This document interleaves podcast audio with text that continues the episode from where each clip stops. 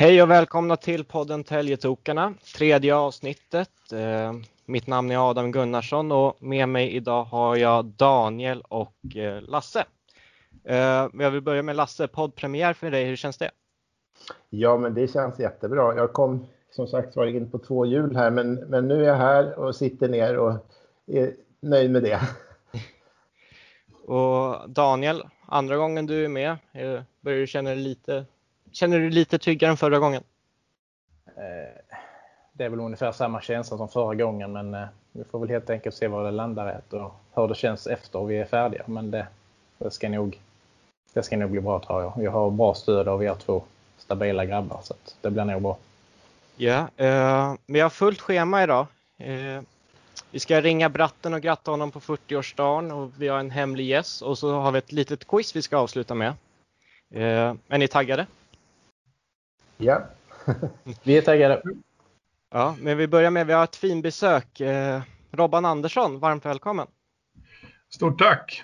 Jättekul att få vara, få vara med i någon av de här tidiga eh, upplagorna av, av er podd. Jättekul! Känner du dig trygg med vad du ger dig in på? Det får väl, eh, vi kan ju, ja just nu gör jag det.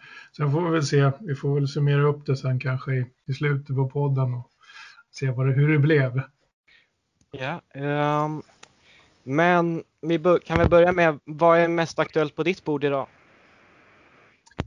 Just nu är det en hel del eh, det är lite formella möten för att avsluta det här året. Dels ett årsmöte, vi hade ett sista styrelsemöte i eh, tisdags. Så att det är en hel del sånt och sen så ligger eh, parallellt med det en hel del planering förstås inför eh, uppstarten. Det är mycket som måste göras innan midsommar. Eh, åtminstone i, eller under juni månad för att eh, ispremiären femte, då är det liksom full fart. Ja, då har jag en fråga här. Hur ser en typisk vecka ut för dig? Och då vet jag att en typisk vecka i maj-juni måste ju skilja sig åt från en vecka mitt under säsongen. Men du får väl eh, fundera på mm. vilken vecka du vill ge, beskriva. Ja. ja, den kan vara intressant att höra. Nej, men ta, en, ta, en, ta en vecka som du tror är lite typisk ändå. Då. Eh, nej, men då, då är det nog eh, först x antal eh, eh, interna möten. Vi har ett eh, antal avstämningsmöten beroende på verksamhetsområde. Det kan vara allt från kommunikation till sälj till arena, eh, restaurang Eh, etc. Micke eh, också utifrån det sportsliga. Så att det är ett antal sådana eh, veckovisa möten som vi har. Sen har vi ett uppsamlingsmöte med, med hela personalen också en gång i veckan. Sen så är det en hel del externa möten också. Eh, och de, oftast så är kalendern tom två veckor framåt men eh, en vecka, tio dagar framåt så kan det vara ganska, eh, ganska fullbokat med externa möten och det kan vara allt från kommunen till eh, våra partners. Eh, så att eh, det är, det är främst egentligen de övergripande frågorna som stäms av Eh, löpande en vecka. Och sen är det lite grann beroende på var vi befinner oss på säsongen. Den här delen på året så är det en del planering i de formella delarna. Eh, men eh, under säsong så är det ju mer kanske en eller ett par matcher per vecka också. Mm. Du har ju nästan inte upplevt det normalläget utan det har ju varit pandemiläge väldigt stor del av din tid. Mm. Så det måste vara skönt att kanske kunna lägga det bakom sig förhoppningsvis. När, när den här sprutan ger effekt i samhället och så.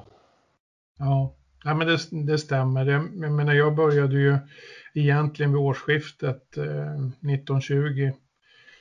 Och eh, då var det ju lite mitt i säsongen och eh, sen så spelade vi ju egentligen bara matcher då i två och en halv månad blev det väl lite drygt. Så att eh, i och för sig så var jag lite involverad och engagerad även under hösten där men när jag väl klev på så då var det inte så många månader med normal verksamhet. Även om den här säsongen har ändå för herrarna varit hyfsat normal förutom att du inte har kunnat spela inför publik då. Men det är klart att verksamheten har ju varit eh, extremt påverkad av det som, som har pågått nu i ett och ett halvt år snart. Mm. Eh, det har väl ändå gått rätt så bra om man tänker på hur det var inte worst case scenario som, som presenterades här nu i alla fall. Nej, nej, nej. Men där i oktober, november, då, då var man genuint orolig. Eh, då funderade jag på hur, hur ska det här gå? Men man visste ju att det fanns ett antal åtgärdspaket som låg i pipen, både från staten, eh, men även kommunen hade vi en tät dialog med. Så att eh, det är klart att, eh, och då hade även permitteringsmöjligheten börjat rulla på och man kunde börja se utfallet av det. Så att, ja, då var man ju genuint orolig som sagt framåt årsskiftet där. Men det, mm. det, liksom, det löste sig på ett, på ett jättebra sätt och sen det som man inte får glömma bort i det här, det är ju liksom alla supportrar, de kampanjerna vi hade där, det gav ett par miljoner. Eh, alla säsongskortsinnehavare som inte, som liksom stod kvar och inte begärde tillbaka en spänn trots att de inte fick se en enda minut live. Och alla våra partners som också liksom stod kvar i det här. Så att eh, det, är, det är många, många som har bidragit och sen personalen har ju faktiskt också avstått en hel del lön under det här året. Så att, äh, det, är, det är många som har bidragit äh, och gjort det här möjligt och det, det är väl det som har en sån här kris gör, att man, man kommer liksom samman på något sätt. Man blir väldigt äh, lojal med, med det man gillar och det man är engagerad och passionerad för. Det har varit mm. uppenbart. Mm jag har eh, lite tankar om vi återkring det här med pandemi och, och permitteringar och så vidare. Eh, mm. Hur ser det ut nu? Har, har personalen kommit tillbaka i full styrka till sina vanliga arbetsuppgifter eller hur ser det ut på kansliet till exempel? Eh, har, finns det de som har dubbla roller eller dubbel arbetsbörda? Nej, just eh, när det gäller korttidsarbetet så regelverket var ju så att de som var anställda i januari 2020 det var de som man kan permittera. Och i och med att man eh, ja, under, under resans gång så har det slutat en och börjat någon och de har man inte kunnat permittera utan de har ju fått löpa på. Så nu är vi egentligen, vi kanske är, eh, kan det vara fem, sex personer som fortfarande är liksom permitteringsbara. Eh, men under den här perioden så har ju också arbetsbördan eh, ja, den har gått ner något, kanske inte fullt ut i den nivå som vi var tvungna att permittera folk. Men eh, eh, ja, så är det just nu. Vi är fem, sex stycken som fortsätter permitterade. Okej. Okay. Mm. Uh, jag är lite nyfiken på samarbetspartners under pandemin. Uh, mm. Har de dragit ner på sitt stöd eller har de rent av ökat Eh, inför förra året så hade vi ju, då var vi liksom mitt uppe i, eh, vi, vi, såg ju inte, vi hade ju en otroligt naiv, eh, liksom naivt perspektiv på pandemin. Man pratade i hockeyn om att ja, men vi tar ett uppehåll på tio dagar och sen fortsätter vi att spela klart säsongen. Eh, och där mitt, mitt i den där perioden så omförhandlade man eh, sponsoravtalen för det här året som som har varit då. Så att där såg vi inga, inga stora, det var väl, det var några som, som sa att vi, vi behöver avvakta lite grann och vi behöver kanske dra ner något, men det var inte, eh, det var inte en särskilt stor del som, som drog ner sin sponsring. Däremot så har ju alla aktiviteter kopplade till ett sponsorskap, alltså när man aktiverar sig i hallen, man kan ha ett kundevent, man kan ha ja, den typen av eh, biljetter som är kopplade till sitt eh, sponsor, eh, sponsorengagemang och så vidare. Där har vi ju inte fått fullt ut, men det är ju helt naturligt. Det är svårt att skicka en faktura på ett kundevent som aldrig blir av och, och så vidare matchsponsorskap har ju varit också en sån bit som, där vi inte, vi har inte liksom kunnat leverera den motprestationen så att där har det varit lite mindre. Ehm, nu när vi är inne i, ändå avslutat säsongen eh, sportsligt med eh, positiva vibbar så, så känner man att det finns liksom ett eh, det finns ett intresse, det finns, ett, eh, det finns en positiv, eh, positiva signaler från väldigt många av de sponsorer som vi har varit i kontakt med inför nästa säsong. Och eh, det är inte så många som av eh, coronaskäl eh, säger nej tyvärr, vi, vi har haft en så pass tuff tid så att vi behöver ta en paus eller vi behöver avbryta vårt samarbete. Det har vi inte upplevt ännu, så det känns väldigt positivt. Mm. Eh, det verkar ju som att man är lite lugnare nu inför eh, att fylla truppen. Det har inte blivit riktigt samma eh, hysteriska hysteriska moment som det har varit tidigare år tycker jag. Det verkar som att man sitter lite lugnt i båten. Det får vara två backar och några forwards som, som ska kompletteras kanske är ganska nära in på seriestart. Mm. Och då undrar jag hur mycket pengar frigörs av ett nio månaders kontrakt? Vi har, vi har väl sagt så här att vi, vi hade en, ett utfall ungefär på spelarbudgeten eh, förra året på 12,5 miljoner. Skulle man, lite sådär. Eh, och den har vi satt till 11,5 miljoner i år och det kan man tycka så, ja, fan vad defensivt, ni har dragit ner. Ja, men det har vi inte, för man tänker man, precis som du säger, pratar man nio månaders avtal så är det faktiskt eh, en 75 procent av, av ett helt år. Då. Så där, där är det faktiskt inte så att vi, det är väl snarare så att vi får ut mer på varje satsad krona, även om vi inte får ut hela sommarperioden då eh, för alla spelare.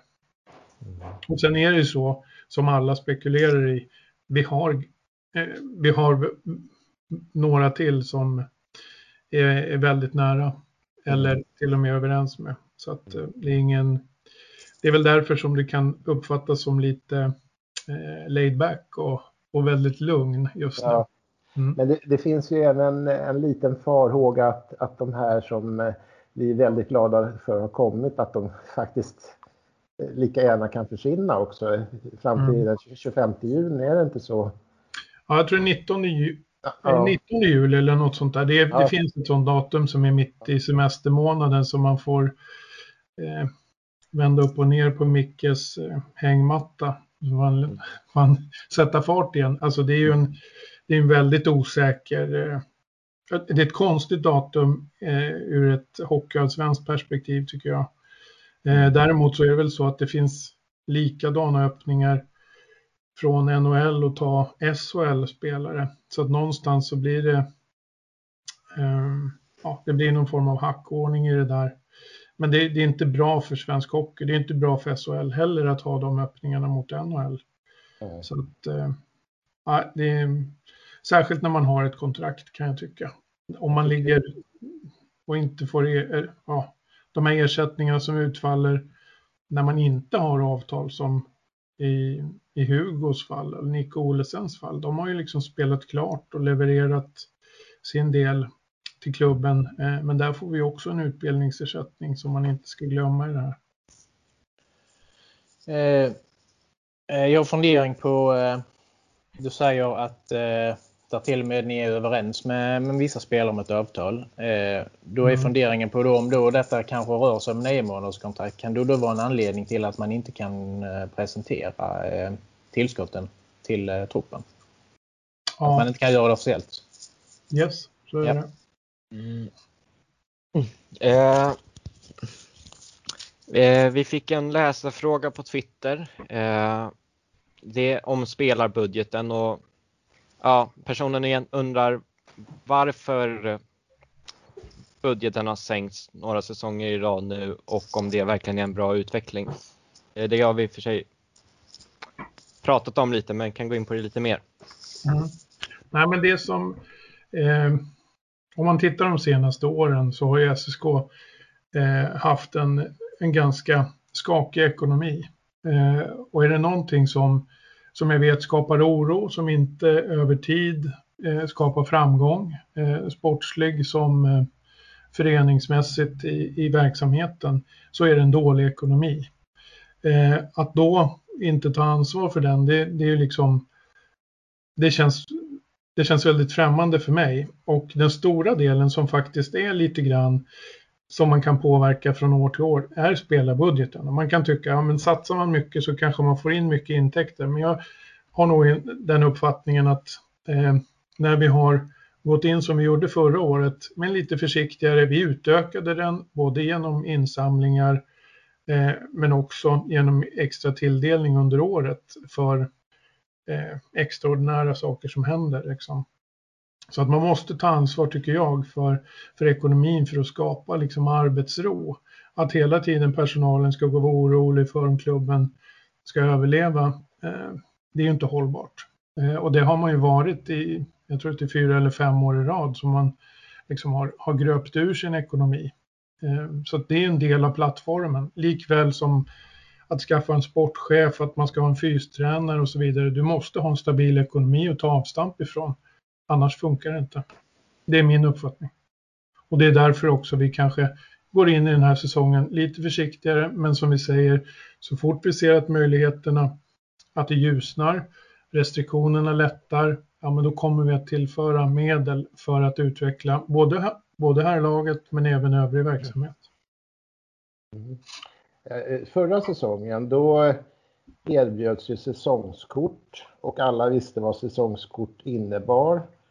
I år så erbjuds säsongskort men kanske att det finns en osäkerhet. Vad innebär detta inköp av ett säsongskort? Det är ingen som riktigt vet det. Och då undrar jag hur, hur har försäljningen gått och hur ser budgeten ut?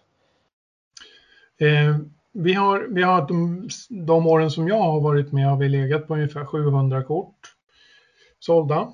Eh, och eh, med, det, med den säsong vi har avslutat och den osäkerhet som kanske ligger framför oss så har vi lagt oss på de 700 igen. Eh, och eh, fram till dags dato så har vi säkert sålt 450.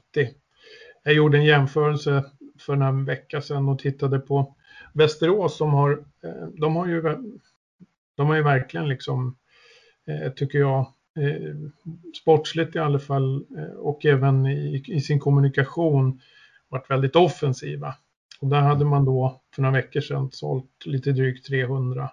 Så att jag tror att vi ligger, vi ligger nog, vi ligger i, i nivå med, med vad vi har gjort tidigare i, i antalet sålda kort, trots den osäkerhet som, som finns då. Eh, eh,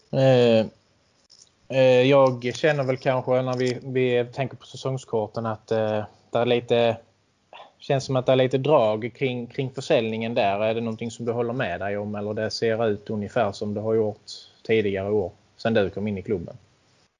Um, du tycker att det är, ett, tycker du mer eller mindre drag? Nej, att det, det, är lite, det är, det är inte så mycket drag kring försäljningen så att säga. Um, Nej. Uh, är det någonting som du, du känner också eller det ser ja. ut ungefär likadant som det brukar göra vid den här Nej, tiden? men alltså jag, jag håller med om det. Och en sak är ju det här lite eh, det skifte vi har gjort, att vi liksom har eh, börjat in, införa i vissa fall eh, nio månaders avtal. Tidigare så kanske man har, man har jobbat mycket mer med att hänga upp eh, säsongskortsförsäljningen på att presentera, man hade en plan för att presentera spelare löpande och det, och det är klart att det skapar eh, mycket mera eh, både hopp och, och, och, lite hype kring, kring säsongskorten. Absolut, så är det. Vi försökte då och eh, att införa eh, några nya varianter på det eh, för de som kanske inte är, har möjlighet att gå på alla 26 hemmamatcherna utan man kanske kan komma eh, vid fem tillfällen under en säsong. Så de som är lite mer långväga och sen också ett familjekort som vi har, det har vi försökt med. Då. Sen är det klart att vi, ja som sagt, vi skulle säkert kunna Eh, eller jag tror att vi kommer kunna ta igen lite grann av den här, eh, vad ska man säga, det vakuum som blir när vi nu inte har haft möjlighet att presentera spelare eh, så kontinuerligt som man kanske har gjort tidigare år. Det, men jag kan hålla med, det blir lite ett vakuum i, i den eh, kampanjen och den hypandet. Eh, jag skulle bara vilja, vilja flika in med en sak där. Eh, jag tänker på publiksiffror. Eh, det är väl kanske inte så där ofta som Scania-rinken har kanske 4000 besökare på en hemmamatch. Eh, hur tänker ni där? Har ni någon speciell plan för att försöka locka fler åskådare till arenan? Eh, matchevent till exempel. Eh, jag hör ju en del röster som, som klagar lite grann på att det är dåligt ljud och akustik och sånt i arenan. Kan det vara en, en plan som gör att man kanske kan locka fler besökare, alltså upplevelsen i sig så att säga? Mm. Ja, men du, du har helt rätt. Eh, vi har legat på kommunen nästan sedan jag började så har Göran Asplund gjort mig eh, uppmärksam på, på ganska mycket tekniska saker i arenan som eh, man kanske eh, har släpat lite med i, i uppgraderingen kan man lugnt påstå. Och där är ljudet en, eh, en väldigt stor del i upplevelsen. Så är det. Det är en investering på ungefär 2,5-3 miljoner. Eh, och det är ingenting som kommunen i det här läget har, har prioriterat utan man tycker att eh, det fungerar för att genomföra matcher. Eh, för vår del så vill vi ju genomföra event och arrangemang och det tycker jag att kommunen skulle kunna nyttja arenan till på ett annat sätt om man faktiskt hade en teknik som var lite mer 2021. Både vad gäller ljud och eh, även de tekniska bitarna i eh, kanske ljus. Det är också någonting som man kan använda sig av. Så att eh, det är någonting som vi har, har påtalat men eh, inte, eftersom vi inte står för investeringarna i anläggningen, inte kunnat påverka mer än så. Det har trots allt eh, investerats ganska mycket pengar i nya mediekuber så därför så mm. kanske det vore ett naturligt steg att utveckla det andra också lite närmare. Men det, därför fortsättning följer på detta helt enkelt. Ja, ja men absolut. Ja. Jag, jag, jag, tror att det var så här eh, att när man eh, köpte tillbaka arenan så hade man, det finns en, eh, en, plan för att, eh, att liksom komma, komma tillbaka till så att man inte har ett släpande, en släpande underhållsskuld. Så det finns med i själva övertagandeprocessen och, och i det tank, de tankarna där. Sen handlar det ju mer om liksom tid och takt på något sätt. Jag är lite kanske otålig, precis som ni andra, över att eh, nu har vi haft ett coronaår där vi hade haft ganska stora möjligheter kanske att göra ganska stora ingrepp. Men ja, nu har det inte blivit så tyvärr. Eh, och, men det har legat lite utanför vår, eh, hur mycket vi kan påverka. Ja, eh, jag tänker, du har varit här i ett och ett halvt år ungefär blir det väl. Eh, hur skulle du beskriva din tid så långt? Eh, var det som du har tänkt dig? Ja, ja det, det, måste jag säga. Vi hade en... Eh, när jag började så, eller när jag tackade ja ska vi säga till, till jobbet så, så var jag väldigt tydlig med att vi, vi behöver bygga en sportslig organisation och vi behöver ha en, eh, en sportsligt ansvarig för, för trovärdigheten. Jag har gått på mycket hockey, det är inte det jag har varit eh, jättemycket, men för att uttala mig i olika sportsliga frågor, ja, där känner jag att klubben behövde en, en ordentligt sportsligt ansvarig. Och att få in Micke på den posten samtidigt som vi har eh, även accelererat lite grann vad gäller fys. Jag anställde ju Grossman som fystränare. Eh, han tar ett större ansvar nu också. Så känner jag att vi är, eh, vi är på väg vi är på rätt väg och det var ungefär det som jag såg när jag klev in också.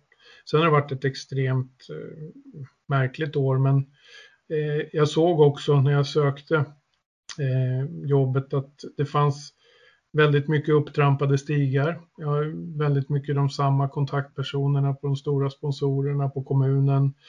Eh, föreningarna har ju haft eh, och tangerat varandra både på supporternivå men även eh, andra som, som jag, eftersom jag är född och uppväxt i Södertälje, har, som jag känner ganska väl. Så att, äh, men jag, jag, det var en härlig utmaning som jag kastade mig in i och den har liksom inte gjort mig besviken någon dag än så länge. Mm. Eh, jag vet ju inte din basketkarriär riktigt, men var du spelare som också i basket? Mm. Det började ja, så? Ja. Ja, jag började som spelare i ja. SPGKs verksamhet eh, och ja. gick igenom den hela vägen till det här laget där jag spelade. Jag spelade totalt 10 eller 11 säsonger i högsta serien, men jag gjorde fyra i Östersund. Resten mm. spelade jag i Södertälje. Eh, var du gard eller vad heter det? Ja, precis. Ja, okay. Eh, nej, jag hade en annan fråga jag skulle ställa här. Har du dragit några lärdomar under din tid i SSK? Det, jag tänkte också, finns det några kopplingar eller att det skiljer sig åt från SBBK? Lite så. Mm. Ja, men den stora, eh, någonting som eh, eh, någonting som skiljer sig ganska väsentligt åt, det är antalet eh, grupper eller lag. I SBBK så har man ju från tid till annan mellan 40 och 60 lag igång. I SSK så, så har vi 14, vi har två representation, vi kanske har mellan 16 och 20 grupper inklusive konståkning. Så att eh, det är en ganska väsentlig skillnad i, i det hela. Sen är ju ekonomin eh, mycket större. Det är en större organisation eh, för att eh, driva runt en, en ishockeyklubb än vad det har varit att, att driva runt en, en basketklubb. Men annars så tar man väldigt mycket intryck av varandra när man har levt liksom sida vid sida. SBBK är 50 år så att eh, man har ju någonstans eh, haft ett, ett samarbete. Det har varit tätare vissa år och kanske inte alls andra år. Men, så man har ju eh, haft eh, man har haft ett, ett, bra nytta av varandra måste jag säga. Och det, Mats och jag hade en, en ganska frekvent eh, kontakt också så att eh, ja, vi kände varandra ganska väl. Vi insåg vilka utmaningar SSK hade och, och tvärtom. Mm.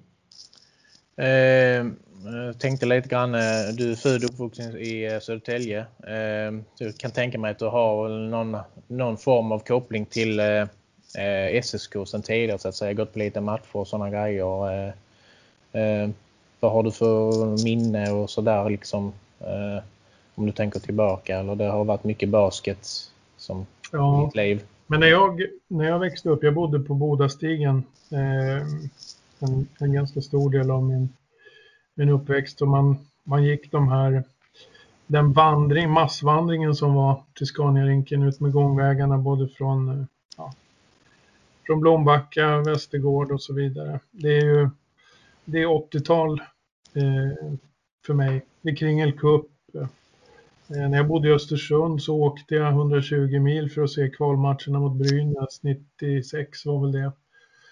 Eh, Ja, min son har ju spelat hockey också i, i SSK. Han är 97 eh, så där har jag varit eh, lagledare. Och jag har haft en, eh, ja, ända till U16 så det var väl en tioårstid som jag egentligen var, var ledare och engagerad förälder, ska vi säga, i SSK. Så att jag har ganska, har ganska, mm, vad ska man säga, tajta kopplingar med, med klubben sedan 80-talet eh, skulle jag säga. Den resan kan du inte gärna ångra när du åkte 96 och titta. Nej, det, det gör jag inte. Jag kommer ihåg både Dalas, eh, Briljans och Bjur var det han hette tror jag. Som hade, ja, det var fantastiskt. Det som var extra roligt när man kom tillbaks det var att jag hade två brynäsare i omklädningsrummet i Östersund. Så det var ganska trevligt måste jag säga. Eh, det, var, det var härligt. Ja, jag rankar ju den, det har, jag ju skrivit om också, att jag rankar det väldigt högt. Jag har ju följt SSK sedan 70-talet, men det där året 96, det var så magiskt, för det var ingen som hade väntat sig den framgången riktigt. Nej. Och då blir det ändå extra roligt. Ja, det, det var, jag kommer ihåg, jag vet knappt hur jag, jag tror inte ens jag hade biljett, men det var nog ganska många med mig som inte hade biljetter, för det var ganska många som satt i trappor och längst upp på läktaren och det, var det måste ju varit Mm. om man tog in 7000 då så måste det varit åtta i hallen kändes det som. Mm. Den, den, re, den, re, den, resan var ju rätt brokig fram till kvalmatcherna. Jag ska väl inte påstå att SSK kanske gjorde en toppensäsong liksom hela vägen utan de lyckades väl kräma ur det bästa alla hade liksom just i matcherna mot Brynäs. Eh, mm. Nu var det några år sedan men det är mitt minne av det hela så att säga. Ja. Jag glömmer, det är en annan sak också med, tillsammans med min son. Han hade börjat spela hockey, de här rivaliteten som byggdes upp med Linköping. Eh, och den, den matchserien där under NHL, när, tog, när han var med på hockey då, och han tittade på mig, jag glömmer aldrig blicken, han såg helt, jag, jag visste att han kommer älska hockey resten av sitt liv, alltså, för det var ju var magiskt i den introt och presentationen av laget och hela den, den stämningen som var i den matchserien var ju helt enorm där också. Det är häftigt. Det är riktigt häftigt. Storpäls. Ja. Som sagt var. Ja. ja. Skulle du säga att du har någon favoritspelare genom tiderna? Genom tiderna? Mm. Ja, jag hade ju jag, jag, tidigt i min eh, civila karriär, direkt efter lumpen, så var jag gymnastiklärare i två år. Obehörig gymnastiklärare på Soldalaskolan. Jag var ett mammavikariat.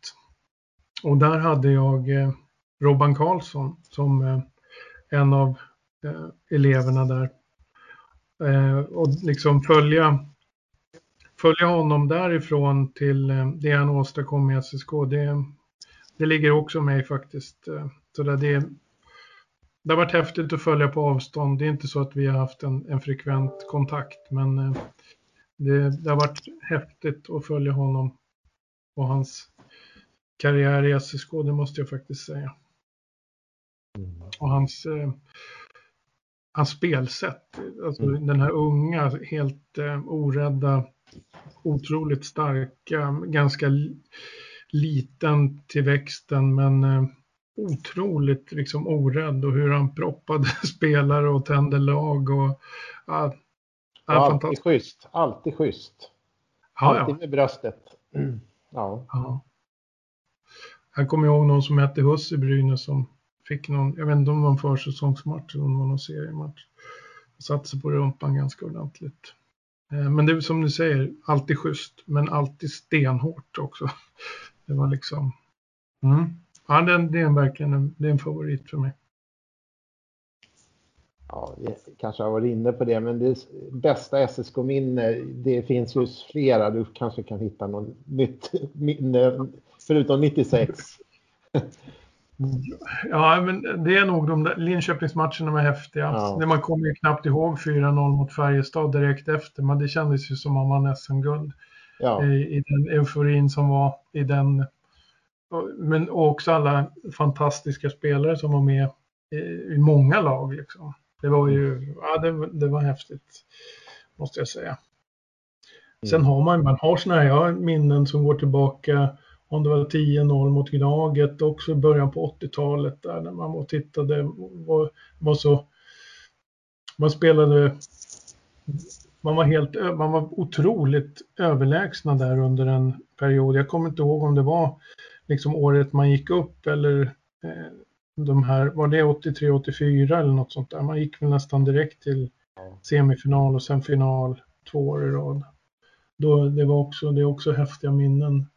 Ja. Eh, och Glennas sätt att spela, ibland så liksom eh, när han, målvakten var ju tvungen att vara med, han var ju liksom en del av, av utespelandet på något sätt. Han kunde ju liksom lägga bakåtpassningar som man gör i, i fotboll idag, utnyttjade målvakten som, som en eh, på ett sätt som var ganska häftigt. Som han själv reagerade på också, minnen från liksom, att han sköt på egen målis liksom, mm. mitt under matchen ja, det gör bara lirare. Så är det Han hade alltid lite extra tid. Det kändes som att eh, och det berodde ju på att han eh, visste innan han fick pucken så visste han vad han skulle göra. Det handlar om att tänka fort och veta vad man ska göra innan man får pucken. Ja, exakt. Var det inte lite så att då kunde man leva lite mer på sin talang inom sporten man höll på med också, eh, hockey framförallt kanske, än vad man kan göra idag. Idag behöver det, krävs det mycket hård träning också för att kunna, kunna mm. bli någonting. Jo, alltså det är bara, man kan ju, ofta säger man att det var en bättre förr, men om man backar tillbaka, det räcker ju nästan med 10-15 år, så ser man ju skillnaden i, i fart och fys och hur man nu använder eh, liksom video och eh, ja, man kan ju vara otroligt eh, påläst och lite destruktiv också i sitt spel, vilket kanske inte gynnar lirarna lika mycket eh, i alla idrotter nu för tiden för att man är, man är liksom lite sönderläst. Man vet, eh, motståndet vet exakt vad, vad du har dina, Eh, i vilka moment som du briljerar så försöker man plocka bort det. Eh, så att eh, där har utvecklingen ja, gått verkligen framåt men kanske på bekostnad lite grann av det här att man får lite extra tid och att lirarna kunde briljera lite mer på i både fotbollsplan och hockeyplan och basketplan för den delen. Mm. Eh, var det naturligt för dig eh, att tacka ja till erbjudandet från SSK? Alltså, vad var det som lockade att, gå från basket till eh, hockey? Ja, eh, om, det var faktiskt så att jag nu, man måste komma ihåg, jag kommer inte exakt ihåg, men jag vet att jag faktiskt sökte jobbet en gång tidigare. Eh, då jag sökte, då var det min, mitt initiativ. Mm. Jag kommer inte ihåg exakt eh, när det här var, men eh, det var nog in, inom tio år i alla fall innan, ja. jag, innan jag fick jobbet.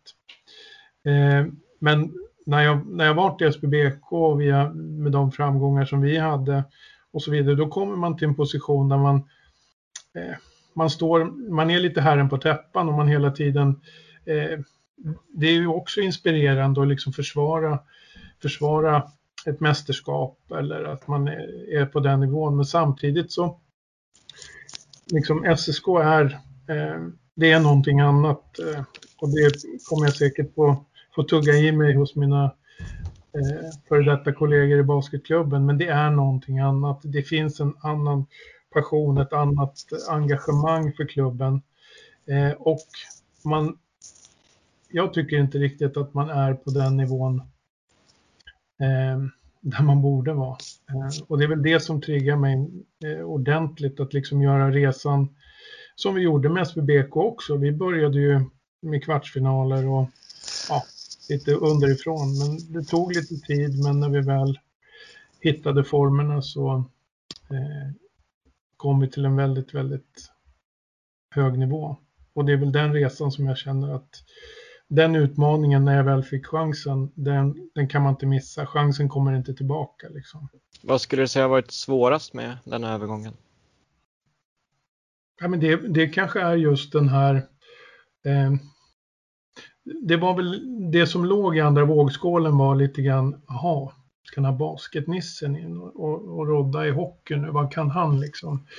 Eh, och där hade jag nog för tio år sedan hade det nog eh, funnits lite mer fog för det än vad det Eh, eftersom jag, man skaffar sig erfarenheter eh, i både livet och i yrkeslivet. Så att eh, där, där fanns det väl lite sådär, undrar, undrar hur väl det här landar egentligen. Så att där fanns det väl en liten sån där, men nej, jag har, det känns som att eh, jag har blivit väldigt väl emottagen och eh, jag har även liksom, det känns som att man har eh, man kommer ganska snabbt in i, i en ny klubb och en ny arbetsplats. Även om det kanske fanns vissa betänkligheter från min sida när jag liksom skulle på det, men jag, jag har varit motbevisad. Eh, det här med SSK och SBBK, har du märkt någon tydlig skillnad på intresset och sponsringen mellan klubbarna där? Att det skiljer sig åt på något sätt? Ja, nej men det, det, är, det som jag säger, det finns en det finns en, det finns en väldigt passionerad och engagerad grupp eh, människor runt, runt basketen också. Men Men hockeyn, man märker att det är någonting annat. Det är liksom, det är hela arbetsplatser, hela företag. Eh, det är många fler supportrar, det är många, mycket fler, ett mycket större engagemang eh, kring, kring ishockeyn. Så är det bara och det avspeglar sig i, i både eh, sponsorintäkter och eh, publiksiffror. Eh, då ska vi se. Ehm, eh, ja, du har tidigare pratat om eh, att SSK eh, kommer till att göra ett plusresultat i bokslutet för första gången på några år. Då. Kan du berätta lite grann hur, hur ni har lyckats med det trots eh, svåra tider som det har varit nu i ett och ett halvt års tid? Mm. Ja, men det, det är väl, det ska man inte sticka under stol, men det, det finns Eh, det är de här åtgärdspaketen, det är, det är en stor del och att personalen också liksom har eh, ändå man har ju eh, trots att man har varit permitterad så har man ändå lyckats eh, hantera sina arbetsuppgifter på ett bra sätt. Så det är, personalen har en stor del i det. Men de här rent eh, kronor och ören som vi har fått från kommun och, och stat och att eh, de här eh, fansens initiativ och de insamlingarna som, som har gjorts. Man har sålt liksom tröjor och puckar och, och klubbor och allting har gått till klubben. Det, ja, det är ju de, det är de bitarna som, som egentligen, det, det är personal och där inkluderar jag spelare. Det, det är eh, inte ja. ännu fått eh, besked om stöd för, för våren. Där vi, utan det kommer väl i, mitt i sommaren någon gång. Så att, eh, men så fort säsongen är igång och att vi liksom, de här restriktionerna har släppt, då, då är ju liksom målet att vi måste ju vara självfinansierande relativt snabbt igen. Eh, så är det. Ja, eh, jag tänkte fråga lite kring damlaget. Eh, hur jobbar ni för att det ska bli så jämställt som möjligt mellan herr och dam och liknande förutsättningar och så vidare? Mm. Vi, under, den här, under det här året så tillsatte vi en, eh, en arbetsgrupp, vi tre personer från styrelsen. Eh, Kent Eldebrink, eh, Erika Adelbertsson och Thomas Engdahl och eh, jag och så har vi tittat egentligen på eh, vad, vad vi skulle kunna göra. Eh, för det finns ganska mycket att göra i, och det är, inte, det är inte SSK, vi är inte sämst i klassen. Men svensk hockey eh, när det gäller damverksamhet eller tjejverksamhet har en resa att göra. Eh, och där har vi identifierat ett antal saker. Eh, och eh, bland annat så är ju faciliteterna som de är. Scaniarinken är byggd för att inhusera liksom ett herrlag, ett herrjunior eller två herrjuniorlag och, ett och lite po och pojklag. Det, liksom, det byggdes hockeyn för. Damhockeyn har ju inte varit eh, med i de tankarna. Eh, så att nu när, när vår flickverksamhet har växt de senaste 6-7 åren. Eh, vi har en damverksamhet som, som också har, har växt så har liksom inte de här sakerna hängt med. Och det är en väldigt, man kan tänka att vadå omklädningsrum och så vidare. Men det skapar liksom trygghet i att, eh, att ha sina egna omklädningsrum och eh, att det finns omklädningsrum för alla lag. Som det är nu så, så gör det inte det tyvärr. Ehm, så där jobbar vi ju, det är ett, det är ett långt eh, lobbyingarbete och jobba mot eh, kommunen som nu äger anläggningen att göra de investeringar som krävs för att vi ska kunna bedriva en, en jämställd verksamhet. För som det är nu, tar vi in 10 så måste vi nästan 10 ut. Liksom. Det, är, det är på den nivån. Det är, så, det är verkligen eh, jättefullt. Så anläggningsfrågan som vi driver är väldigt viktig.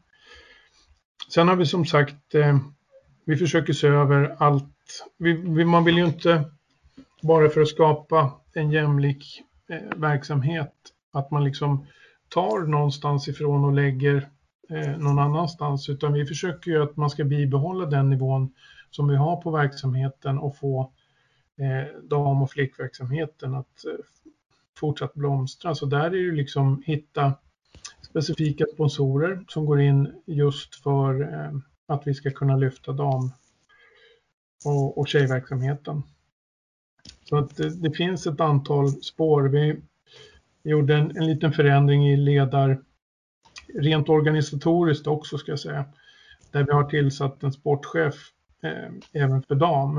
Eh, det har ju tidigare legat eh, som en del av ungdomsverksamheten. Nu är dam, har en, även sportchef, även om det är samma person som har ansvaret för ungdom så har vi lyft den delen i organisationen. Eh, och sen på ledarsidan så har vi eh, eh engagerat en, eh, en kvinna, Sara Åberg, som kommer vara huvudansvarig de närmaste åren hoppas vi. Eh, och ja, finns det någon plan för att få upp ett damlag till högsta divisionen också? Absolut, det, det, det gör det. Vi har en, där finns det en sån här klassisk treårsplan, men den är mycket enklare att göra. Att faktiskt eh, peka ut tre år.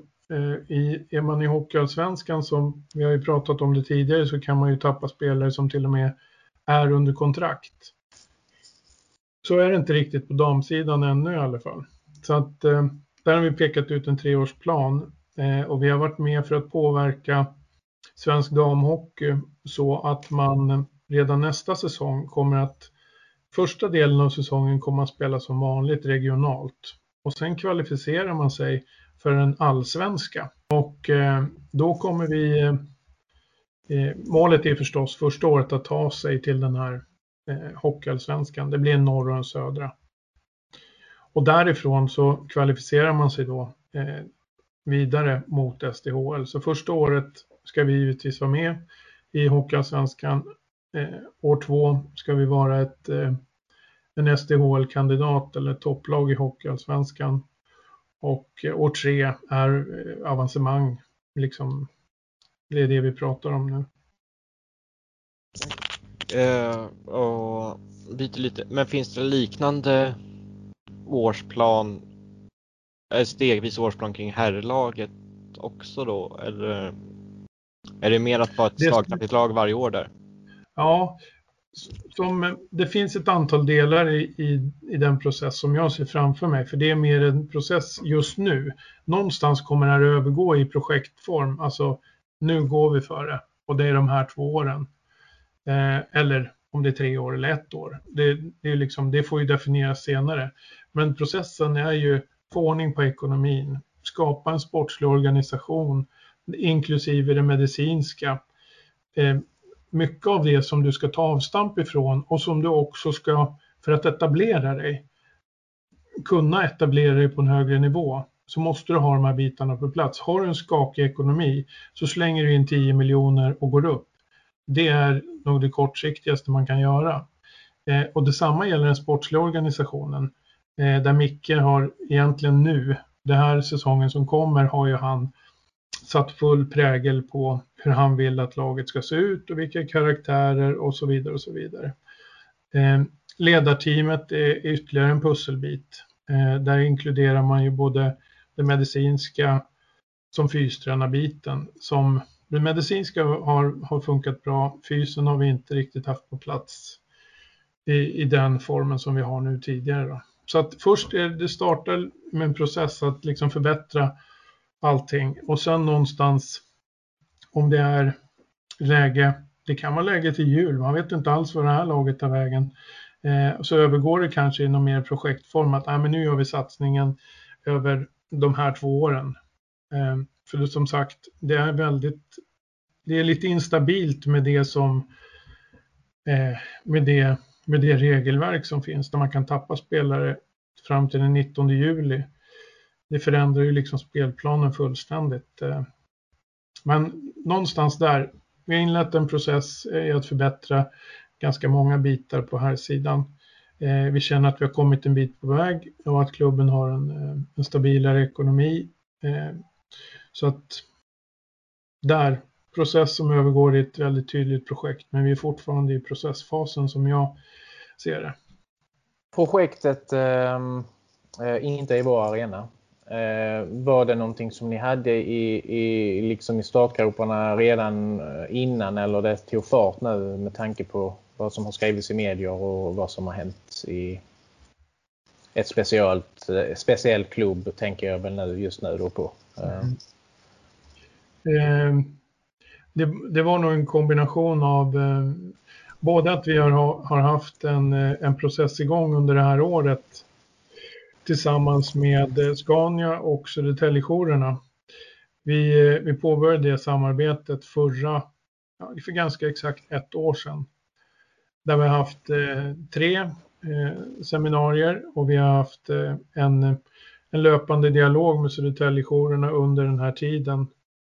Eh, med den utvecklingen inom svensk ishockey som du refererar till och eh, även i samhället i övrigt gjorde att nej, här kan vi som en, eh, en stark eh, aktör eh, faktiskt eh, med, den, med den plattformen nå ut eh, och, och försöka göra skillnad. Eh, det, det, var, det var nog tajmingen, det utlöste det, det, det som hände under, under hösten. Men som sagt, eh, vi har haft ett sånt här arbete igång i klubben under en tid, vilket gjorde det här ännu mer angeläget för oss att nej, nu ska vi använda vår starka klubb eh, och den plattformen för att nå ut. Så det är ett, eh, det är ett projekt som är igångstartat och som kommer fortsätta under, ja, det där är ett projekt som säkert kan löpa väldigt länge men vi har ett antal eh, aktiviteter som vi ska ha igång tillsammans med Södertäljejourerna under nästkommande år också. Eh, ja, behövligt som sagt var. Mm. Då tänkte jag vidare lite grann på det om, om vi då ser till eh, eh Skoda Trophy. Eh, Brynäs ska ju vara med. Eh, mm. Var de eh, inbjudna innan det här tog fart eller hur gick tankegångarna där? Nej, det var de inte. Eh, tankarna, alltså det är klart att vi diskuterade frågan. Eh, nu var Brynäs var med förra året och Brynäs är en, en förening som är alltid, föreningen är större än medlemmarna och, mm. och, och personerna i den. Någonstans att, att exkludera eh, tror vi inte på. Däremot så tror vi kanske på att, eh, att hitta eh, ett sätt att manifestera det här tillsammans hur långt Brynäs har kommit med sitt arbete och var vi befinner oss i vårt arbete i samband med Skoda Trophy. Det, det kan mycket väl vara, eh, och även de andra klubbarna förstås. Jag menar, det här är ju det här är ett samhällsproblem. Liksom. Så att vi, vi, vi är i planeringsfasen där. Eh, sen får vi se. Eh, men vi, har, vi landade i alla fall i att, att exkludera eh, i, i flera sammanhang brukar inte det vara den bästa lösningen så att vi, vi landade ändå i att nej, det är klart Brynäs ska få komma på, i Skoda Trophy. Uh, jag har en fråga om Skoda och det är lite hur går det till när ni väljer vilka lag ni ska bjuda in och hur stort, hur, hur stort är intresset för att vara med i turneringen? Uh, det finns uh, ett par kriterier. Dels så har, från början när, vi, när jag kom med i alla fall, och det, så var det säkert innan också, så pratade man mycket om de här klassikerna. Eh, Brynäs, Leksand, Djurgården. Man har säkert haft AIK på tapeten. Eh, ja, de, de klubbarna. Och att de är i relativt geografiskt närområde. Det är inte helt enkelt. Nu har vi Malmö med och jag ska komma till det också sen. Eh, så dels har det varit klassikerformatet. Dels har det även varit eh, Skoda. Eh, vi har Skoda, Västerås har Skoda, eh, Djurgården har Skoda. Vi finns, Skoda är ju en hockeysponsor eh, globalt. Men även nationellt så har de haft eh, en del att säga till om också i, i de inbjudningarna. Eh, och sen så har vi, man kan inte ha Frölunda, Luleå, Malmö för att det blir ett antal övernattningar när man spelar den här turneringen. Eh, hotellnätter och så vidare. Och det är förknippat med hyfsat stora kostnader med de här grupperna som är åtminstone 30-35 personer. Så att eh, vi har valt eh, som regerande mästare att bjuda in Malmö igen. Eh, det var inte varit kanske självklart men Eh, när de var med förra året så trivdes de och de tyckte det var väldigt bra. Så att det finns en väldig attraktion i att vara med. Det som har satt lite käppar i hjulen har varit eh, Champions Hockey League. Som också spelas eh, parallellt med, jag vet inte om det är kvalrunder eller om det är grundserie. Som startar relativt tidigt på säsongen. Så där försvann ju Leksand bort i år. Så därför kommer då Linköping in istället. Hur gick tankarna när ni valde speldagar och tider? Eh, exempelvis torsdag 16.30. Är det var, varför det är en, ändå en höjdpunkt, en bra match där som går på en ja. märklig tid? Ja, precis. Mm. Eh, nu kommer jag inte ihåg vilka som spelar efteråt, men jag kan tänka mig att det är några som har lite resväg som börjar där. Vi mm. börjar ju mot Djurgården först. Eh, det är också geografiskt. Eh, vi började mot Brynäs och åkte fram och tillbaka veckan innan förra året, men vi ville få hålla ihop det lite mer så att vi börjar mot Djurgården på, på onsdagen och sen tror jag att det är Linköping och vi och sen kommer jag inte ihåg vilka som var den andra matchen den dagen, men jag tror att det är så att om det är Malmö och några som re reser in.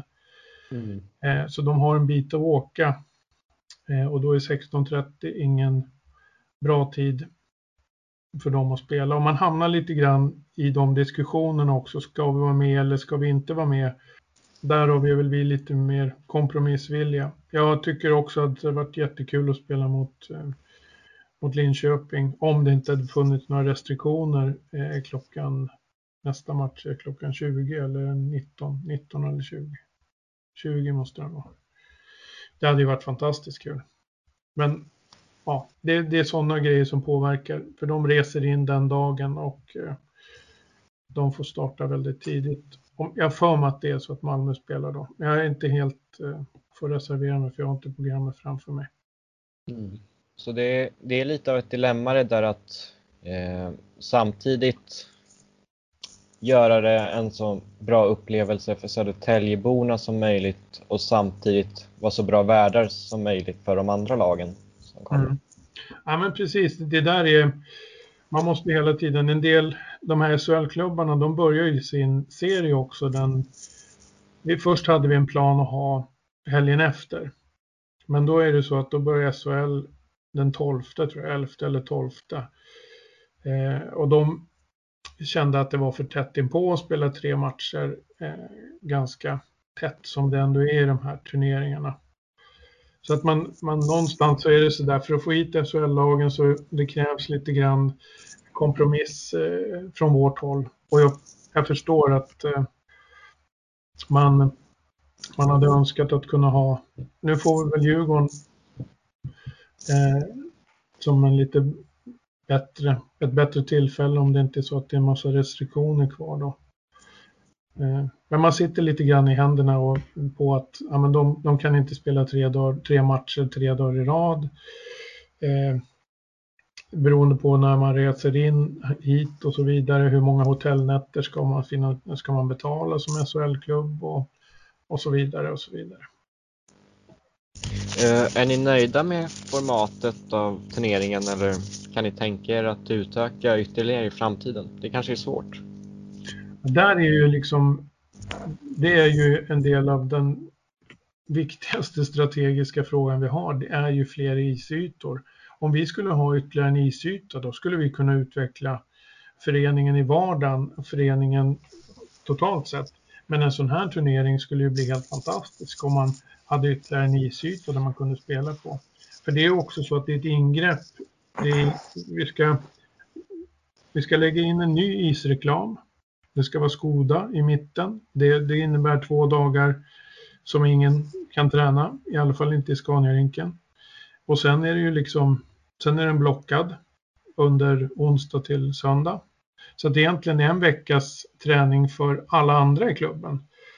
Eh, försvinner i och med Skoda. Det kan ju vara okej. Okay.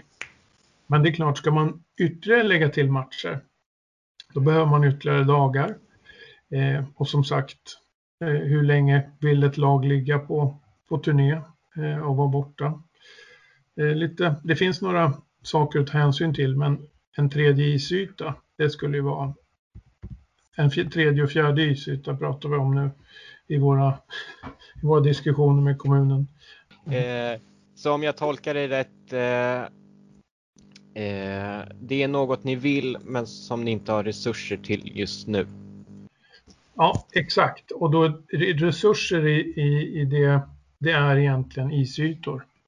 För hade vi haft fler isytor skulle vi kunna få den här turneringen att växa ytterligare. Det, för det, det suget finns. Jag skulle helst vilja se att det här var något så här inofficiellt eh, försäsongsmästerskap.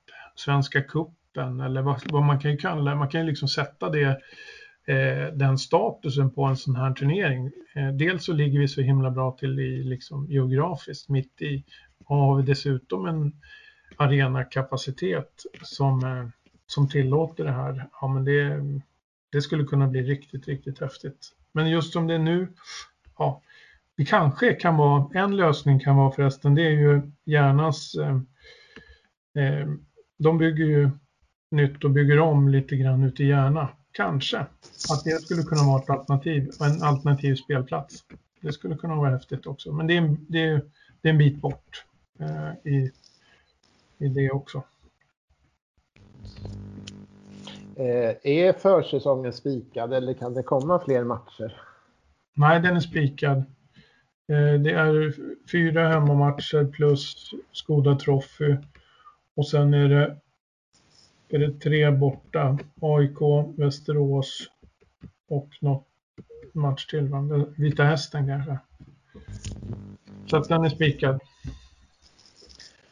Det var, ni har, ni har väl inte gått ut med det va? Vi har gått ut med augustimatcherna eh, och Skoda Trophy. Jag tror att septembermatcherna har vi nog inte släppt eh, eh, ännu. Jag vet inte om det är så att eh, om de skulle spikas definitivt, men eh, det är augusti vet jag att vi har släppt. Det gjorde vi för en tid sedan och Skoda Trophy då. Men de sista matcherna, det kanske är så att det fortfarande är någon som ska bekräfta någonting i det innan vi släpper september också. Mm, ja. Eh, en sak jag har lite tänkt på i arenan det är eh, den röda färgen på bland annat ståplats och trapporna. Eh, mm det, det, det, finns det någon, jag kan tänka mig att det är en liten för dyr kostnadsfråga just nu men finns det någon fundering att i framtiden måla om det till kanske blått eller någon mer färg som passar nu? Ja, men det har jag. Eh, det har också slagit mig några gånger. Vi har ju, vi har ju påbörjat en del eh, där man det är otroligt mycket rödfärg i, i Scania-rinken om man går och tittar. Det är liksom eh, på publikplanet så är ju halva väggarna uppåt under läktarna där är röda, alla dörrar är röda. Inne i arenan så är det rött. Det är, det är en ganska stor och det är ju inte helst skulle man ju vilja hitta någon lite mer SSK, vad ska man säga, eh, SSK-färger på, på arenan. Man tyckte väl att man gjorde det en gång i tiden men sen så ändrade vi tillbaka till de gulblåa dräkterna och då passade det väl inte. Men det är, otroligt, det är ett otroligt stort jobb. Jag vet inte hur... Man får nog ta det där lite pö om pö. Men det kanske skulle vara häftigast att starta inne i arenan. Vi har startat en hel del nere i omklädningsrumsdelar att få bort, få bort den, röda, den röda färgen. Skulle det kunna vara aktuellt att bilda aktiebolag i framtiden?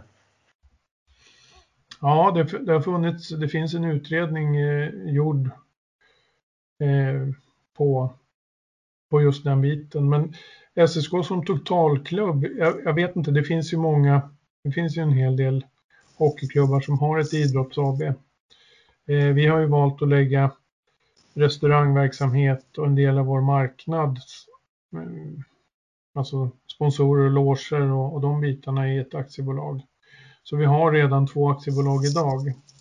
Eh, som det ser ut just nu så eh, är, är det nog inte aktuellt att, eller det finns inte jättemycket uppsidor för oss att, eh, att lägga det i ett, ett aktiebolag mer än att man eh, det är klart man som medlem och som supporter skulle kunna eh, krydda sin, eh, sitt supporterskap med att också vara delägare i, eh, i klubben. Det, det tycker jag är en, eh, det är en uppsida. Och att man kan ha lite nyemissioner och sånt där istället för det som vi kallar eh, supporterinsamlingar eller den typen av initiativ. Där man liksom, ja men du får köpa, som AIK nu, de ville ha in 5 miljoner och då gjorde de en nyemission och så fick de in 2,5 miljoner. Det är ju egentligen en, en supporterinsamling skulle jag säga. Mm. Men det, just nu är inte det aktuellt utan man tittade på det utifrån SSK och våra förutsättningar och dessutom hur vi, har, hur vi bedriver verksamheten och där har man landat i att inte eh, uppsidorna överväger inte just nu i alla fall. Eh, jag tänker på eh, ersättningen eh, när SHL-spelare plockar spelare från Hockeyallsvenska lag. Hur ser du, ser du på det? Tycker du att ersättningen är på tok för låg eller eh, jag tänker kanske på Höger Gustafsson. Eh, vad ni fick för ersättning för honom till exempel.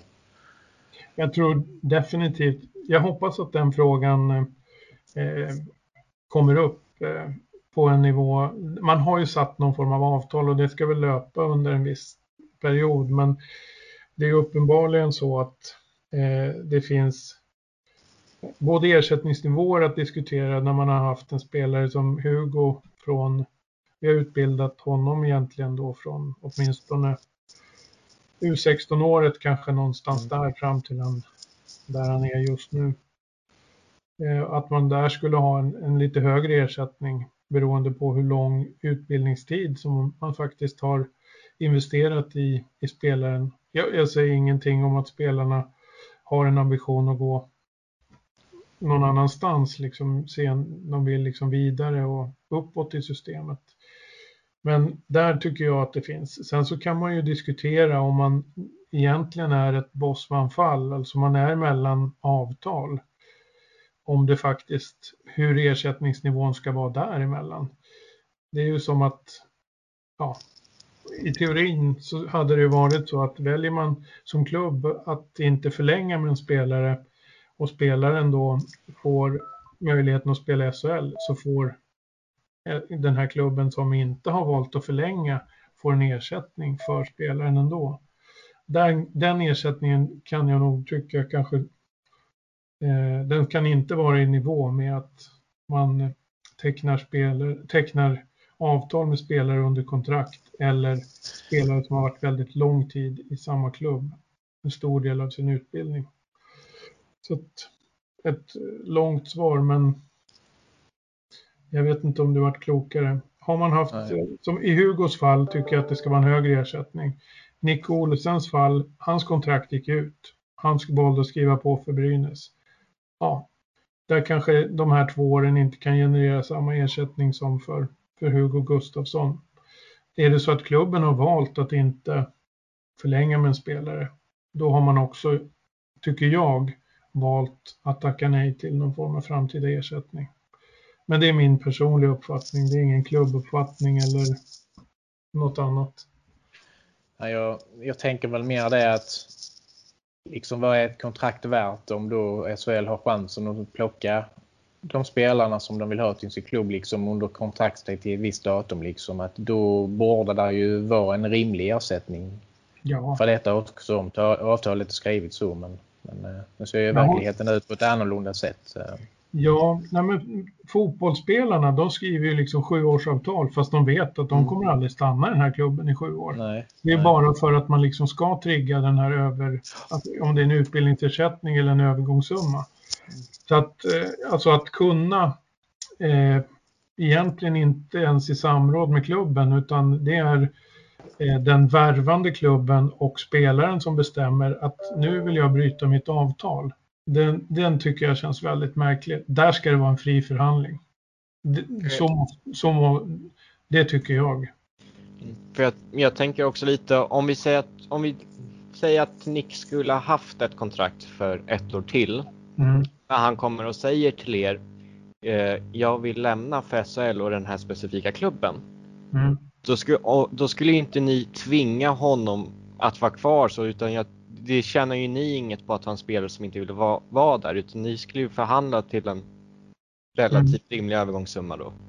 Ja, Nej, men det, jag har varit med om det där i, i basketen, även om, för där händer det också att spelare som är under kontrakt får till exempel ett erbjudande från utlandet. Eh, och då gäller det att man frikopplar egentligen eh, spelaren, agenten. Det här är mellan två klubbar. Vill Brynäs verkligen ha är det, det här caset du beskriver?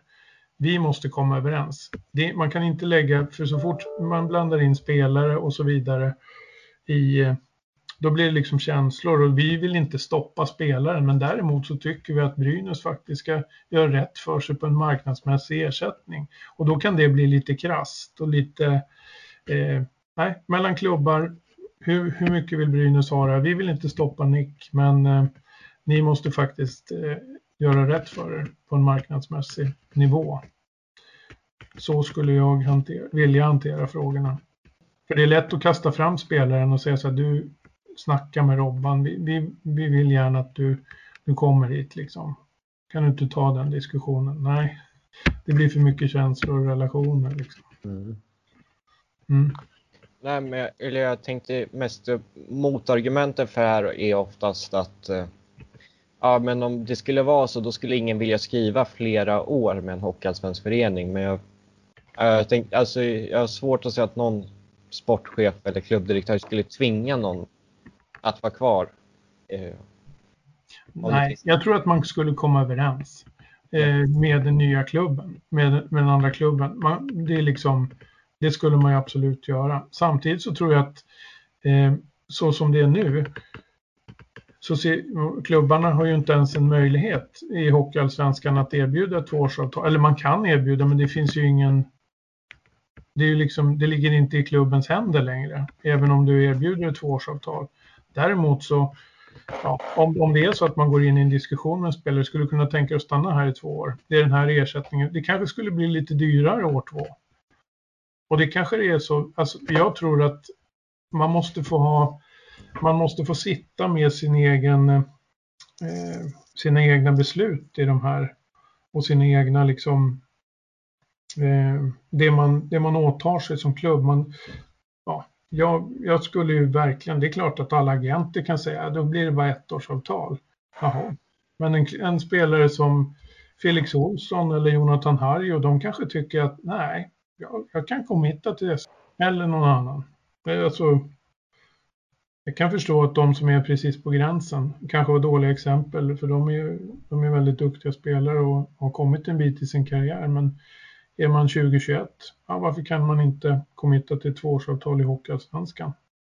Det låter som agenter som, som påstår att så inte skulle vara fallet. Jo då. Förs det någon dialog med Astra om sponsring eller är det locket på? Det, eh, vi fick ju ett väldigt definitivt besked alla idrottsföreningar i Södertälje för två år sedan är det väl och där har ju Astra har inte ändrat sin policy men vi har haft en, en dialog med, med dem under tiden och frågat eh, ja, hur ligger landet? Eh, mer så. Mm. finns ingenting konkret. Mm. Eh, så avslut, av, om vi kör lite avslutningsvis, vad är dina förväntningar på kommande säsong? Eh, förväntningarna är att vi eh, kommer att eh, få spela i Scania-rinken igen med liksom publik och, och, allt vad det innebär i, i form av trivsel kanske besvikelse vid något tillfälle, någon enskild match. Eh, men det är ju någonting som man verkligen ser fram emot. En, en, en full säsong för hela verksamheten. Det vore ju, det ser jag verkligen fram emot. Och sen att, eh, att både här, damerna når sina mål och kommer till Hockeyallsvenskan därefter jul. Att herrarna gör, tar ytterligare ett kliv. Eh, man var fyra förra året. Eh, någonstans där man kan komma topp fyra men en semifinalplats eller bättre. Det skulle också vara någonting som jag ser fram emot. Eh, men framförallt att spela inför publiken. Ja, uh, ja det, det var alla frågor vi hade. Eh, hur kändes det här Robban? Det kändes jättebra. Jag tycker att, eh, jag måste säga det att ni har verkligen eh, tagit tag i det här och ni skapar intresse för klubben.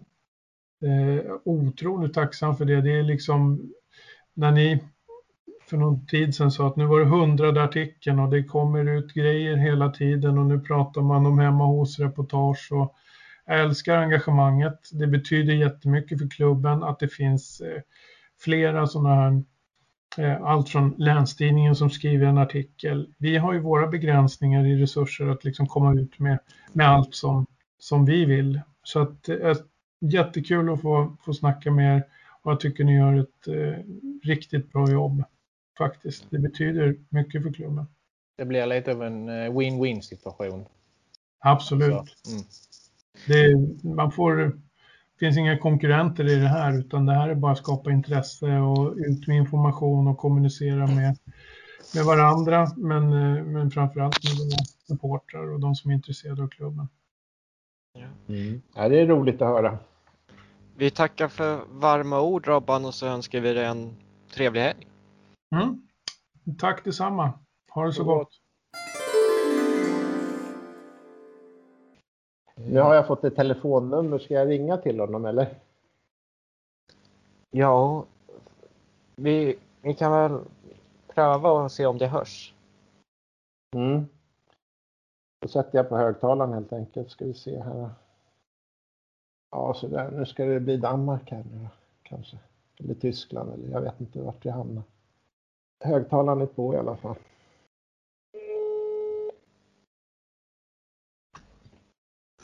Hallå. Ja. Vem där höll jag på att säga. Det här är ju...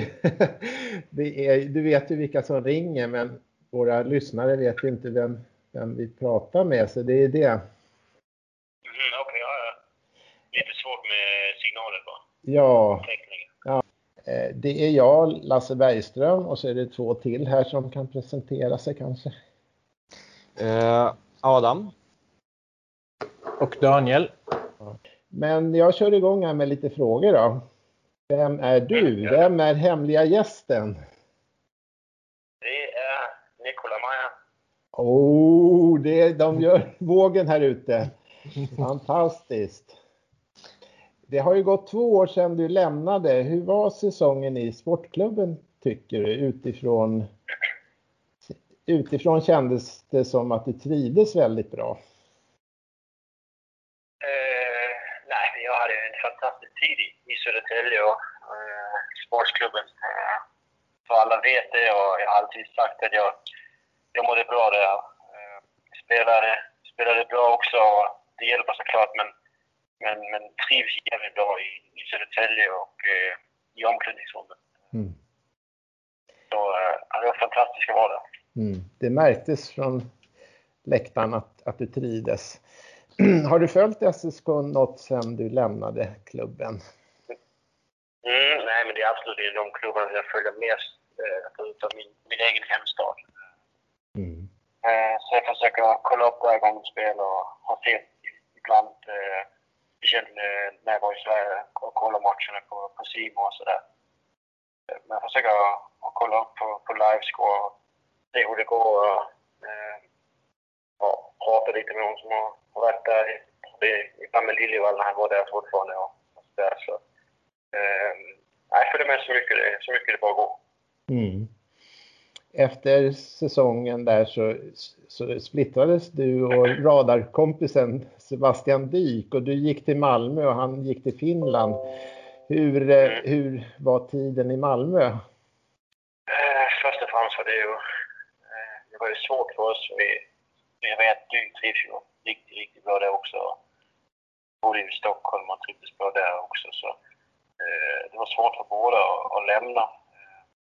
Jag vet Dyk hade testat SHL innan och, och var kanske inte jättesugen på det, på det tidpunkten att gå tillbaka till det. Till det. Men, men jag hade inte testat det och eh, det är klart att man spelar allsvenskan så många spelar då, då är det man vill det att ta sig till SHL. Så, eh, det var en motivation i många år så när jag äntligen fick chansen att ta mig dit så var det ju mm. så, så, så, måste man också göra det. Eh, mm. Sen att det kanske blev som det blev och att det inte var något bra match, äh, match mellan jag och Malmö är ju mm.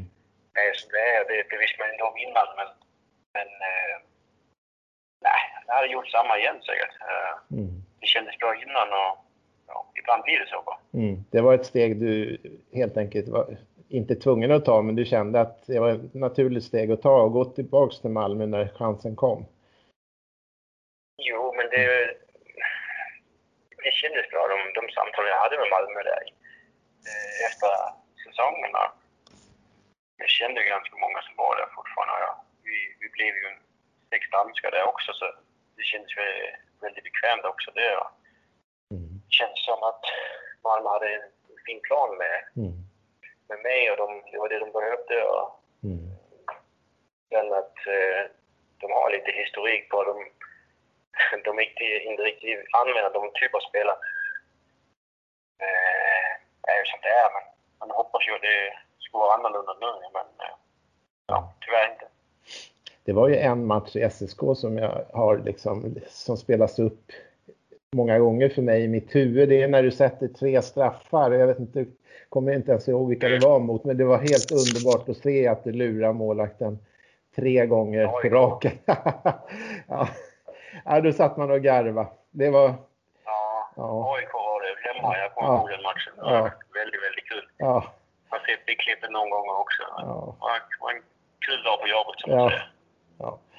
Och sen, eh, sen fick du nog av Malmö och Malmö fick nog av dig, eller jag vet inte hur det var, men, men sen ledde Finland och succé måste man väl säga den här säsongen. Poängmässig succé. Mm. Ja, men först och främst Malmö, det var ingen eh, det var ingen... Alltså vi bröt kontraktet på ett bra sätt. Vi som hade bra dialog och det var bäst för, för mig också och för dem. Och det, var, mm. det var ingen problem alls. Så ja. det var ganska bra. Eh, sen var det Finland och ja, nej, men jag tyckte det var riktigt, riktigt bra faktiskt. Eh, helt annorlunda spelstil och eh, tog väl några matcher där innan man kom in i det. Det var eh, väldigt annorlunda för hur jag spelade i Sverige de sista många åren. Så. Mm. Eh, så det tog väl tio matcher där. Sen eh, de, ja, åtta, tio matcher så började jag spela med, med Wenström eh, som folk säkert känner för Brynäs och Leksand och Rävle och andra spelare. Mm. Och eh, vi hade bra kemi. Eh, lite samma som något sätt som jag dyker när han, han, han skjuter på allt som dyken också gör. Så, mm. eh, det passar väldigt bra. Mm fick ihop något eh, bra för s där och eh, det var kul att testa något annat. Mm. Vilken nivå håller finska ligan? Nej, men jag tycker absolut att den håller en riktigt bra nivå. Uh, man ser också det VM som precis har varit här, att Finland åker till VM med, vad har de, 10-12 spelare för, för den finska ligan och tar sig till finaler. Så det är, det är bra nivå på det. Inte mm. SHL, inte SHL-nivå, men, men den ligger väl precis under där. Så. Mm. Eh, det var kul och det såklart det är helt annorlunda än hur det är i Sverige, men, men jag tycker ligan håller, håller väldigt bra nivå. Mm. Eh, hur ser framtiden ut? Vi har ju eh, folk i, i podden här som är beredda att käka gröt och, och, och, och lämna studiebidraget till eh, fansens lirare. Och det finns ju en huvudkandidat på det spåret. Och då undrar vi hur ser framtiden ut? Har du haft dialog med klubbar från Sverige eller utlandet? Eh, helt ärligt har jag inte själv tänkt så mycket på det för att min, jag har varit borta med landslaget alltid där så länge och eh, det är väldigt stressat med, med här coronasäsongen och, och sånt här så. Mm. Mina, mina agenda har jag pratat mycket. Jag vet att han har pratat med lite ja. runt omkring i olika ligor. Sverige, Tyskland, Finland så här. Ja. Så, eh, men än så länge vet jag faktiskt inte. Eh, förhoppningsvis så kommer det något ja. snart. Eh, men jag kan faktiskt inte svara så mycket på det för jag, jag vet inte precis vad det blir Vi hade ju klubbdirektören och han ville ju gärna sitta kvar här sa han, för han var nyfiken vem den hemliga gästen var. eh, har Micke Samuelsson hört av sig? Uh, jag har inte pratat med honom själv, det får jag säga. Jag har, mm. inte, jag har inte gjort det. Men jag vet faktiskt inte. Kanske han har ringt min agent. Jag tror, han har ju svensk min agent också, så det kan ju vara. Men, mm. men jag har inte pratat med han, uh, han själv. Mm. Ja, vi undrar hur, hur, du skulle se på en eventuell återkomst till Södertälje en dag. Är det, skulle det kunna vara möjligt? Jo, absolut. Ja, absolut. Jag mycket prata om det, om det innan. Det skulle vara kul att komma tillbaka någon gång. När man trivs bra. Då vill man väldigt gärna tillbaka också när, när, det, när tiden är till det. Mm. Det passar både vi och eller jag och ja. Södertälje. Så det är såklart en möjlighet. Mm. Det är det helt säkert. Sen har vi Daniel och Adam här. De kanske har någon fråga. Jag vet inte. Adam? Ja, absolut. Um, nej, jag har ingen på rak arm. Har du någon Daniel? Eh, jag undrar väl bara lite grann eh, hur, hur glad och nöjd blir man när man eh, vinner över Tre Kronor i ett VM? Där Danmark ja. egentligen alltid ska vara lillebror. träningsmatchen där. Hur stor som helst för oss. Eh, eh, väldigt stort för dansk hockey och, och vinna för första gången mot Sverige. Eh, mm. Kan jag säga det kanske bara var en träningsmatch, men, men det var väldigt stort för dansk hockey. Och mm. Kul för oss som var med, det är historiskt. Eh, så det var väldigt kul. Eh, mm. Även till VM och det är ju, eh, vi visste ju om att de skulle bli ett bättre lag och vi hade nästan samma lag, men, men eh, vi hade bra känsla. Vi litar på vårt spelsystem och visste om att uh, vi, vi hade en chans. Och det klart var vi inte favorit i den matchen, men, man hade sin chans innan, innan eh, matchen började och uh, vi skulle göra allt vad vi kunde för, för att ta den uh, i år också när Sverige kanske inte hade deras bästa lag med. Mm. Så uh, det var väldigt, väldigt, väldigt kul kan jag säga. Mm. Väl det kommer säger jag. Eh, jag har... Ja, nu kommer en ny fråga här. Nej, det är ingen fråga så, men jag vill bara säga att eh, jag hoppas att eh, du förstår att du förgyllde en annars medioker säsong tillsammans med Dyk och Liljevall. Eh, och att eh, jag hoppas att du också förstår att du är varmt välkommen tillbaka när som helst för oss supportrar oavsett om det är nu eller om tre år. Ja, absolut. Jag är jättetacksam för det också. Jag kände också i min, min tid där att, att, att de uppskattade mitt sätt att spela på också. Att, mm. att, att inte bara dumpa pucken men försöka hålla i gummit och, och mm. nya hockey också. Det måste också vara kul att komma och kolla på matcherna. Så. Mm. Ja, jag uppskattar mycket fans i eh, Södertälje och eh, allt eh, support jag fick när jag var där. Men, men, men faktiskt har fått jättemycket support här efter min tid också. Folk hör av sig och önskar mig lycka till med, med allt jag gör. Så jag ja. uppskattar verkligen min tid där och att folk fortfarande följer med i, i vad jag gör. Mm. Jättehärligt att höra. Vi vi håller tummarna för att det blir så en vacker dag att du kommer tillbaka. Mm. Ja, absolut. Det var kul någon gång. Mm. Och då får vi skaffa lite bättre förutsättningar också med ljud och bild och alla är med och sådär än, än det här lite provisoriska. Men eh, det, det, här är tredje podden som körs och första för mig. Och det, det blir lite hejkon bacon kanske, men entusiasmen finns där hela tiden i alla fall.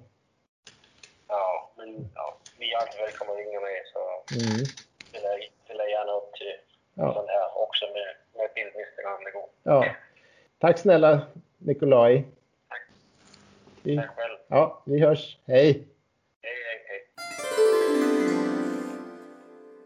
Då har vi pratat med Robban och med Nikolaj Mayer. Vad är era intryck? Mycket positivt. Det känns som föreningen är i stark rörelse uppåt och framåt. Så tycker eh, jag.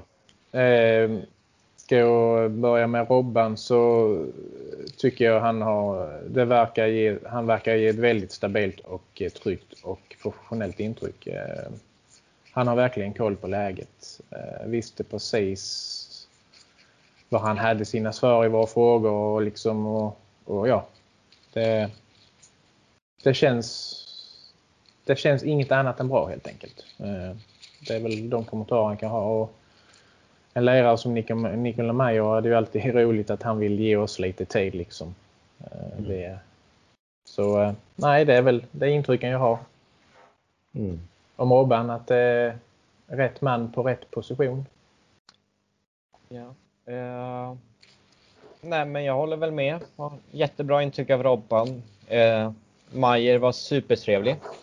Känns som att vi kommer få vänta några år på att han kommer tillbaka, men Verkar vara jättetrevlig människa. Mm. Absolut. Jag hade, jag hade möjligen velat fråga på vilket sätt han har utvecklats som spelare. Jag vet inte om det kom med riktigt, men, men eh, offensiven sitter ju där som en smäck. Och sen, jag utgår från att svaret är att defensiven också har utvecklats, tänker jag, när jag har sett honom spela då i, i landslaget och så. Ja, det kanske är något för vi kan ge lite sommarläsningar med. Längre intervju med, med Majer och Dyk. Mm. Mm. Vi går vidare till nyheter. Där har inte hänt så mycket senaste veckan, men du har fått lite kommentarer från Backman och hans agent. Eh, jag, vill, jag, kan väl uttrycka mig så här att eh, jag vill, där finns indikationer på att han är nära sitt beslut och att det kan bli officiellt inom kort. Det är väl indikationerna som jag har fått och sen Sen vad det landar i, det, det får vi helt enkelt se när det blir av.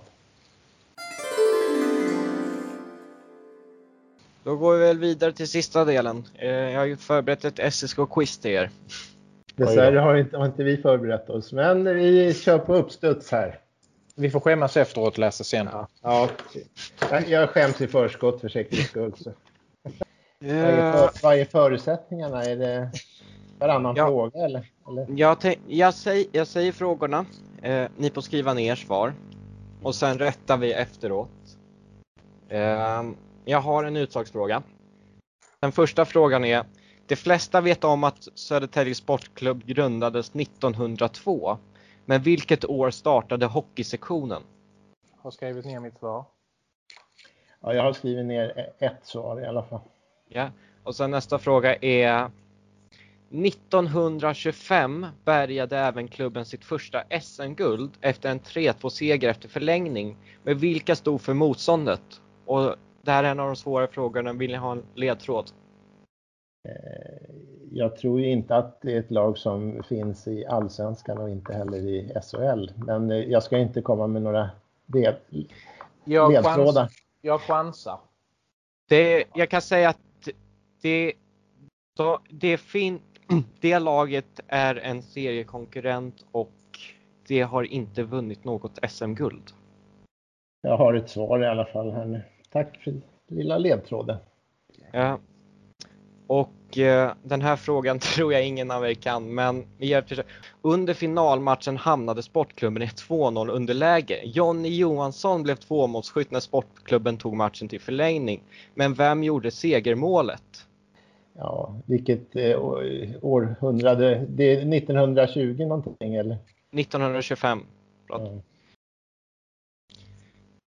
Och eh, nästa fråga. Att A-laget har sju SM-guld är känt för många, men hur många SM-finaler har Södertälje deltagit i?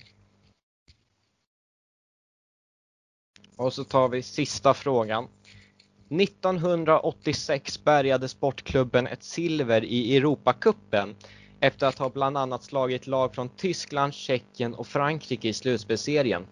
Det var dock ett lag Södertälje inte hade en sportmössa mot som man föll med, med hela 10-2 emot i den i efterhand avgörande matchen. Vilket lag pratar jag om? Har ni skrivit ner fem svar? Eh, det femte svaret står jag och darrar på här. Jag vet inte vad jag ska svara där, men... Eh... Det fanns väl bara ett klubblag på den tiden som dominerade. Ja. Kan jag tänka mig. Så då eh. skrev jag det. Men okej, okay. jag drar svaren i alla fall. Mm. Och så får ni väl ah, vara ärliga med er. Ja. Eh, Okej, okay. hockeysektionen grundades 1925. Ja! 1900, 1920 skrev jag där. Det var nära Daniel. Ja. Eh, motståndet i SM-finalen 1925 var Västerås. Skrev jag, ja. Och eh, lite, lite fakta där är att eh, jag skrev att det var att, vi, att det var en seriekonkurrent men det stämmer inte riktigt för när jag säger Västerås så var det deras bandylag VSK som SSK mötte i den finalen 1925. Men... Fantastiskt. Mm. Och sen tredje frågan. Den som gjorde avgörande målet i förlängningen, Karl Abrahamsson. Mm. Det har jag faktiskt skrivit, jag lovar. Jag har skrivit Karl Abris Abrahamsson har jag skrivit. Och sen att A på hur många SM-finaler så är det 15. Oj, oj, oj. 13 skrev jag där. Det var ganska nära faktiskt. Men, menar du att det är 7 plus, plus 15 finaler? 22 finaler? Nej, alltså hur många man har deltagit i totalt. Ja, ja. Vinster och förlust. Så då var men, jag två ifrån då. Det var ganska bra gissat. Ja, men, jag hade i alla fall fel där. Ja, mm. men om du, jag kan ge dig rätt om du har skrivit åtta ifall du trodde det bara var finalförluster. Mm. Jag skrev sex. Okay. Och sen laget man föll mot var Moskva. CSKA Moskva. Ja. Mm. Ja, det hade jag också. Jag får faktiskt infläcka lite på fråga två där. IK Göta var ju ett lag som har tagit många titlar på den tiden, alltså länge till begynnelsen. Jag tänkte först att det kunde varit det laget, men sen när du sa en seriekonkurrens så kunde vi utesluta det direkt. Eh, ja, hur många rätt fick ni då? Jag tror jag hade två, två fel. Jag hade två fel. Då är det väl fyra rätt då. Tre. Jag hade tre fel och två rätt. Fem frågor var det väl vi hade totalt? Va? Ja, just det. Jag hade två fel. Och... Så det var det. Vi hoppas det inslaget var någorlunda underhållande för er ja. lyssnare. Eh, man kommer väl undan med heder i behåll i alla fall känner jag. Det tycker jag. Jag tycker allihopa har gjort eh, vad man kan begära. Vi är glada amatörer och eh, det är det vi bygger våra poddar på allting. Ja, eh, vi verkar inte kunna få med Kalle Brattenberger. Men eh, vi får önska honom en väldigt eh, härlig 40-årsdag. Så... Och han, han hälsar att han vill gärna vara med i podden någon gång framöver. Mm. Det får han gärna vara. Ja. Så... Nej, men har ni något att tillägga innan vi rundar av? Har vi någon planerad ny podd eller kommer det information om sen? Um, jag har jag och Daniel har pratat om tidigare att bjuda in Niklas Grossman och han har fått ett mail så mm. Vi får se vad svaret blir. Eh, sedan beror det också lite på hur nyhetsvärdet ser ut med podd och så vidare. Mm. Vad det finns att analysera. Men det här var tredje avsnittet av Täljetokarna. Eh, vi, har, vi har pratat i två timmar, så långt kommer ni inte behöva lyssna på oss. Lite små ångest inför klippningen. Men jag hoppas ni har tyckt att det här var ett trevligt avsnitt. Förlåt att vi kanske blev lite utdraget ibland. Vi fick inte riktigt ljudet att stämma med Nikolaj, men ja, kort sagt, tack för att ni lyssnar och tack för alla underbara ord vi får och vi önskar er en fortsatt trevlig helg.